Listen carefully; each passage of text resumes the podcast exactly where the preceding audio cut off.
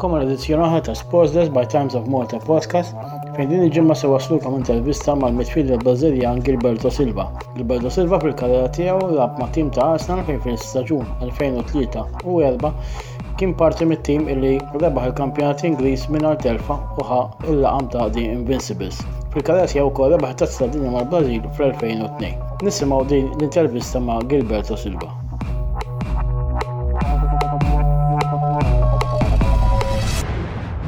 Gilberto, first of all, welcome to Malta.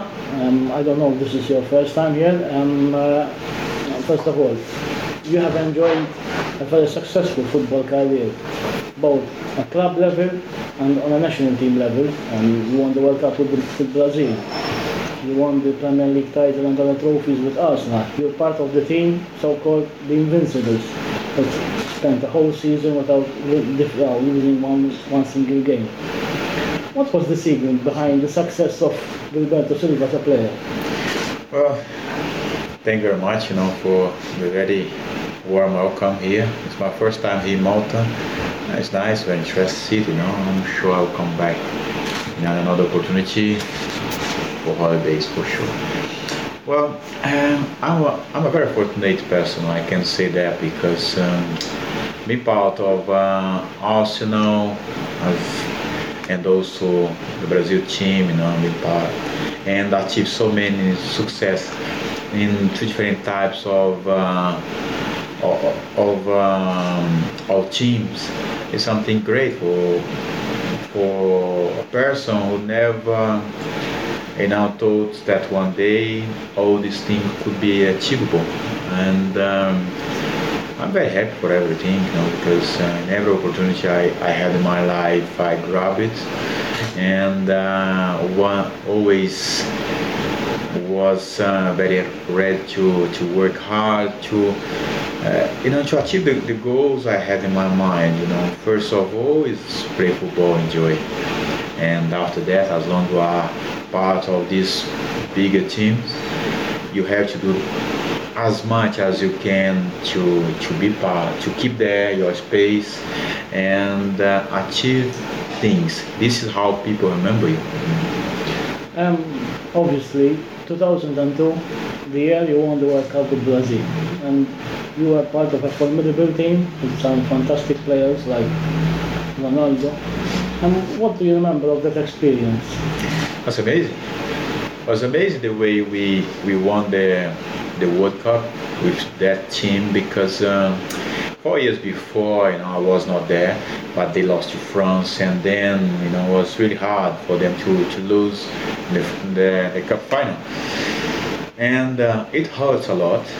And for many of uh, the players in our squad in 2002, and they did, they were in '98. They didn't want they didn't want to have the same frustration and um, all the time we talk about winning the games, win the, the competition.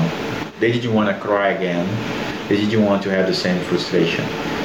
I was one of the youngest players, you know, in the squad. You know, didn't have much experience to be in the national team, but I understand the idea. I understood, you know, how bad was the feeling when you get into the final of uh, such important competition and uh, fail and don't win. People don't remember exactly who were you in that, that moment.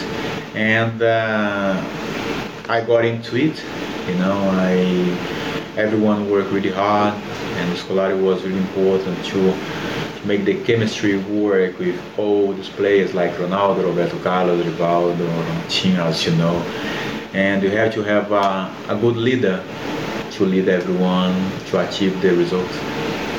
As a player in your development, how important was to play with so much, so many phenomenal players like Ronaldo, Rivaldo? It was great. It was very important for me for my formation. Not only with them, but against many of them as well, and the other bigger bigger names because um, when you you play with them, you learn a lot with them, the way they talk, the way they behave. You know, they are they were my big example. You know, I, I've seen Cafu play when I was in academy. I've seen Ronaldo start to shine when he was very young. Rivaldo, uh, Roberto Carlos, you know, they were basically my idols and still. And uh, having this opportunity to play beside them, you know, was was a gift for me. And I could not lose any opportunity to, to learn as much as I can, you know, even though just to see the way they, you know, they play, the training, and uh, this was great. But also, on the other hand, you know, I have an opportunity to play against them, to face the other side. How hard it is when you play against this kind of players because their mentality is, is very strong. They are winners, and uh, they are ready for every every challenge. Um, obviously, after that World Cup, you moved to Arsenal. Yeah. And, and there, I think it was your best chapter of your career, winning so many titles and trophies. And obviously, the highlight was part, being part of the Invincibles. What made um, that team such a formidable team that nobody could beat that season? Well, we had an amazing time at Arsenal. For me, it was a um, fantastic experience because um, after the World Cup, I just moved to uh, to Arsenal straight away and never came back to Brazil to play for my ex-club Atlético Mineiro. And uh, at Arsenal was a different challenge for me because um, there was something, you know, sometimes a big barrier for foreign players because I had to learn the language. I didn't speak any English at all by the time and um, I had you know big names around me like Patrick Vieira, Thierry Henry, and Bergkamp, and so on, and a fantastic manager. But uh, honestly,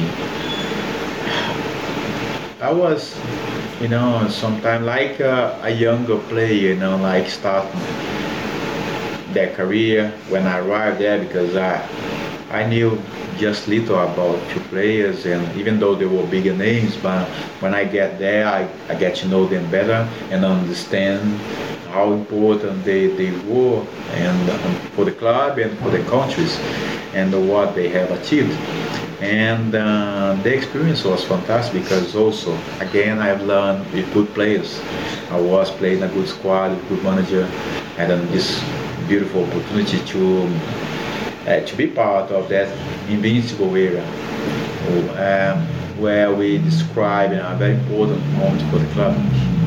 That team was fantastic because uh, in the moment we we were you know coming to, to the tunnel to face the opponents, exactly that we we were going to get the results on that day. You know, this was the the way we work. You know, winning mentality on the daily basis. You know, prepare for the big game on the weekend. This week I had Ray Parlour, one of your uh, former teammates, and he said that one of the reasons why we never, Arsenal never lost a match was because um, we never uh, thought about losing the match. We always did everything we could. We fought for each other, and uh, you, you agree with that? Yeah, for sure. Well, at the beginning of the season, Arsene said that um, we were going to win the league without losing any game. It's like put a big pressure on us. but um, as Ray said, you know, we never thought about it. We just want to play the games and win the games and win the, the league. Because the season before we lost to Manchester United, you know, we were in front and it was very bad for us. We were very down, no doubt, where to lose um, that that year, and we bounced back, you know, on a very good way. And um, we just want to win the games. We trained very hard, you know. The, the, the, the winning mentality was in the training session because we prepare well.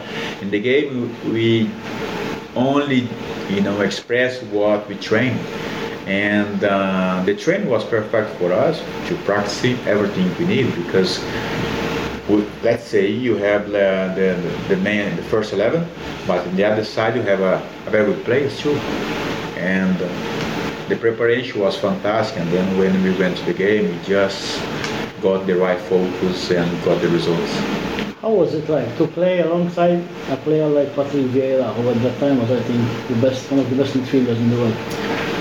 I believe we enjoy very much play alongside each other. and Patrick is a, is a big character, uh, a fantastic person, and on the on the pitch he was fantastic, brilliant, you know, very intelligent, smart, you know, the movements, and very strong in the challenge. I think the partnership worked well. You know, we, we had different strengths from each other, but we complement each other somehow. You know, the understand of uh, how we could position, you know, uh, according to the other, to the other was was fantastic. I think this is what made the difference for us, you know, with in this combination, this partnership. Um, it has been a few years now since Arsenal have won a Premier League title. Um, since Arsene Wenger now has left Arsenal and the team is trying to rebuild the league now to, to get back to the top. But it looks that they are, despite the number of high-profile signings they are doing, they are still struggling. Last season they missed out on the Champions League, for example. And this season is not going according to plan. What, what, what do you think is the main problem at Arsenal? Uh, it's, sometimes it's very hard you know, to explain why the, the, the, the club you know, it's, it's quite a long time without um, fighting for the title of the Premier League especially. And um, but I, if you see, you know, it's a kind of cycle. You know, some other clubs are facing. Arsenal is facing this cycle. Manchester United, and now Chelsea may look like it's gonna face a challenge as well. Liverpool, after a few years, is back. You know, uh, fighting for the titles, for the title in, in, the Premier League, and won the, the Champions League. Manchester City is very strong. Tottenham looks very strong. You know, it's, uh, the competition is very hard nowadays, and the competitors they got money to spend. And uh, Arsenal, since the transition from Highbury to Emirates, now has I struggle a little bit in terms of to compete you know, with the financial uh, situation compared to the other clubs like Manchester City, for example. Uh, sometimes hard because um, the the main players, the bigger names, the big players, all the clubs look look for them or want to get them first. You have to be very very quick and very the accuracy to, to find these players who fits exactly the style you play. You know, you need to you need a lot of work to find the, the right players. You know, at some time, you know, some some sign does not, not work well. You know, you have to keep working. You know, there is uh, there's no time to to regret and say, oh, come on, I made a mistake, whatever. You have to move forward and and uh, minimize the mistakes and um, always uh, work hard. Do you think Unai Emery um, can help us now get back to the top? I will say, you know, I think it's too early to say that because, um, and it's too early to say that he's going to be the, the you know, the, the man and, or opposite. He's not going to be. And um, for the first season, last the last season, it's kind of adaptation, you know, for him and to understand uh, the way the, the Premier League works, the way the club runs, and uh, who are the, the, the players he got, you know. And um, but now I think for the second season, uh, he got a chance to to have a good signing, you know, to sign a few players. But it takes time, you know, to, to build something solid.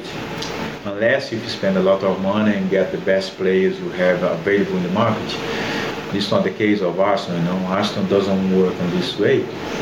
And um, I hope he he does a good job because uh, the club deserves and um, last few years been quite hard for them I don't need to, to support him, the people need to support him and uh, believe that he can manage the right way. Your biggest rival in your time in England was Manchester United, and they too are struggling at the moment, and there are a lot of criticism. Uh, the team is passing through a transition, and you said that you need to sign big players, but United tried that way and it failed. Now they are trying the other way around. They are trying to sign young players and build a new team on, on young players. Do you think it's the right recipe for United to get back slowly back to the top? It's it's always hard, know, to say something. I think first of all, you must believe in what you know the what's the club's strengths, what's the way the club, you know, what's who you are. First of all, you must understand that. You know, for people who follow Manchester United, understand a little bit the way they have uh, become strong over the past years and the way they run the club. You know, if you all the time change the way you do, you do your work, you know, you, you can cause a conf- confusion between the, the people, between the fans, and um, let's see. Sometimes you know you, they can sign big names and work sometimes does not work. It depends about uh, who they sign and the combination, the style of play, and the style the team plays according to the manager. You know, there is uh, so many, so many things. You know, to find the right, right player. Sometimes the right combination in terms of the style. You know, if the players fit the style of the team. Sometimes it not work out, even though you may sign the best player in the world. Um, the Brazilian national team enjoyed a very good year this year. They won the Copa America. They seem to be slowly getting back to, to where they are. Do you think they will be among the contenders for, for the next World Cup? In Ata? They need to keep working hard and uh, improve themselves, you know, as a team, and to get back, you know, what um, has been missing the last few years. Um, and I hope they, they can manage that, you know. If you see the team, you know, the players, the last, for example, in Copa America, we had a basically the full squad.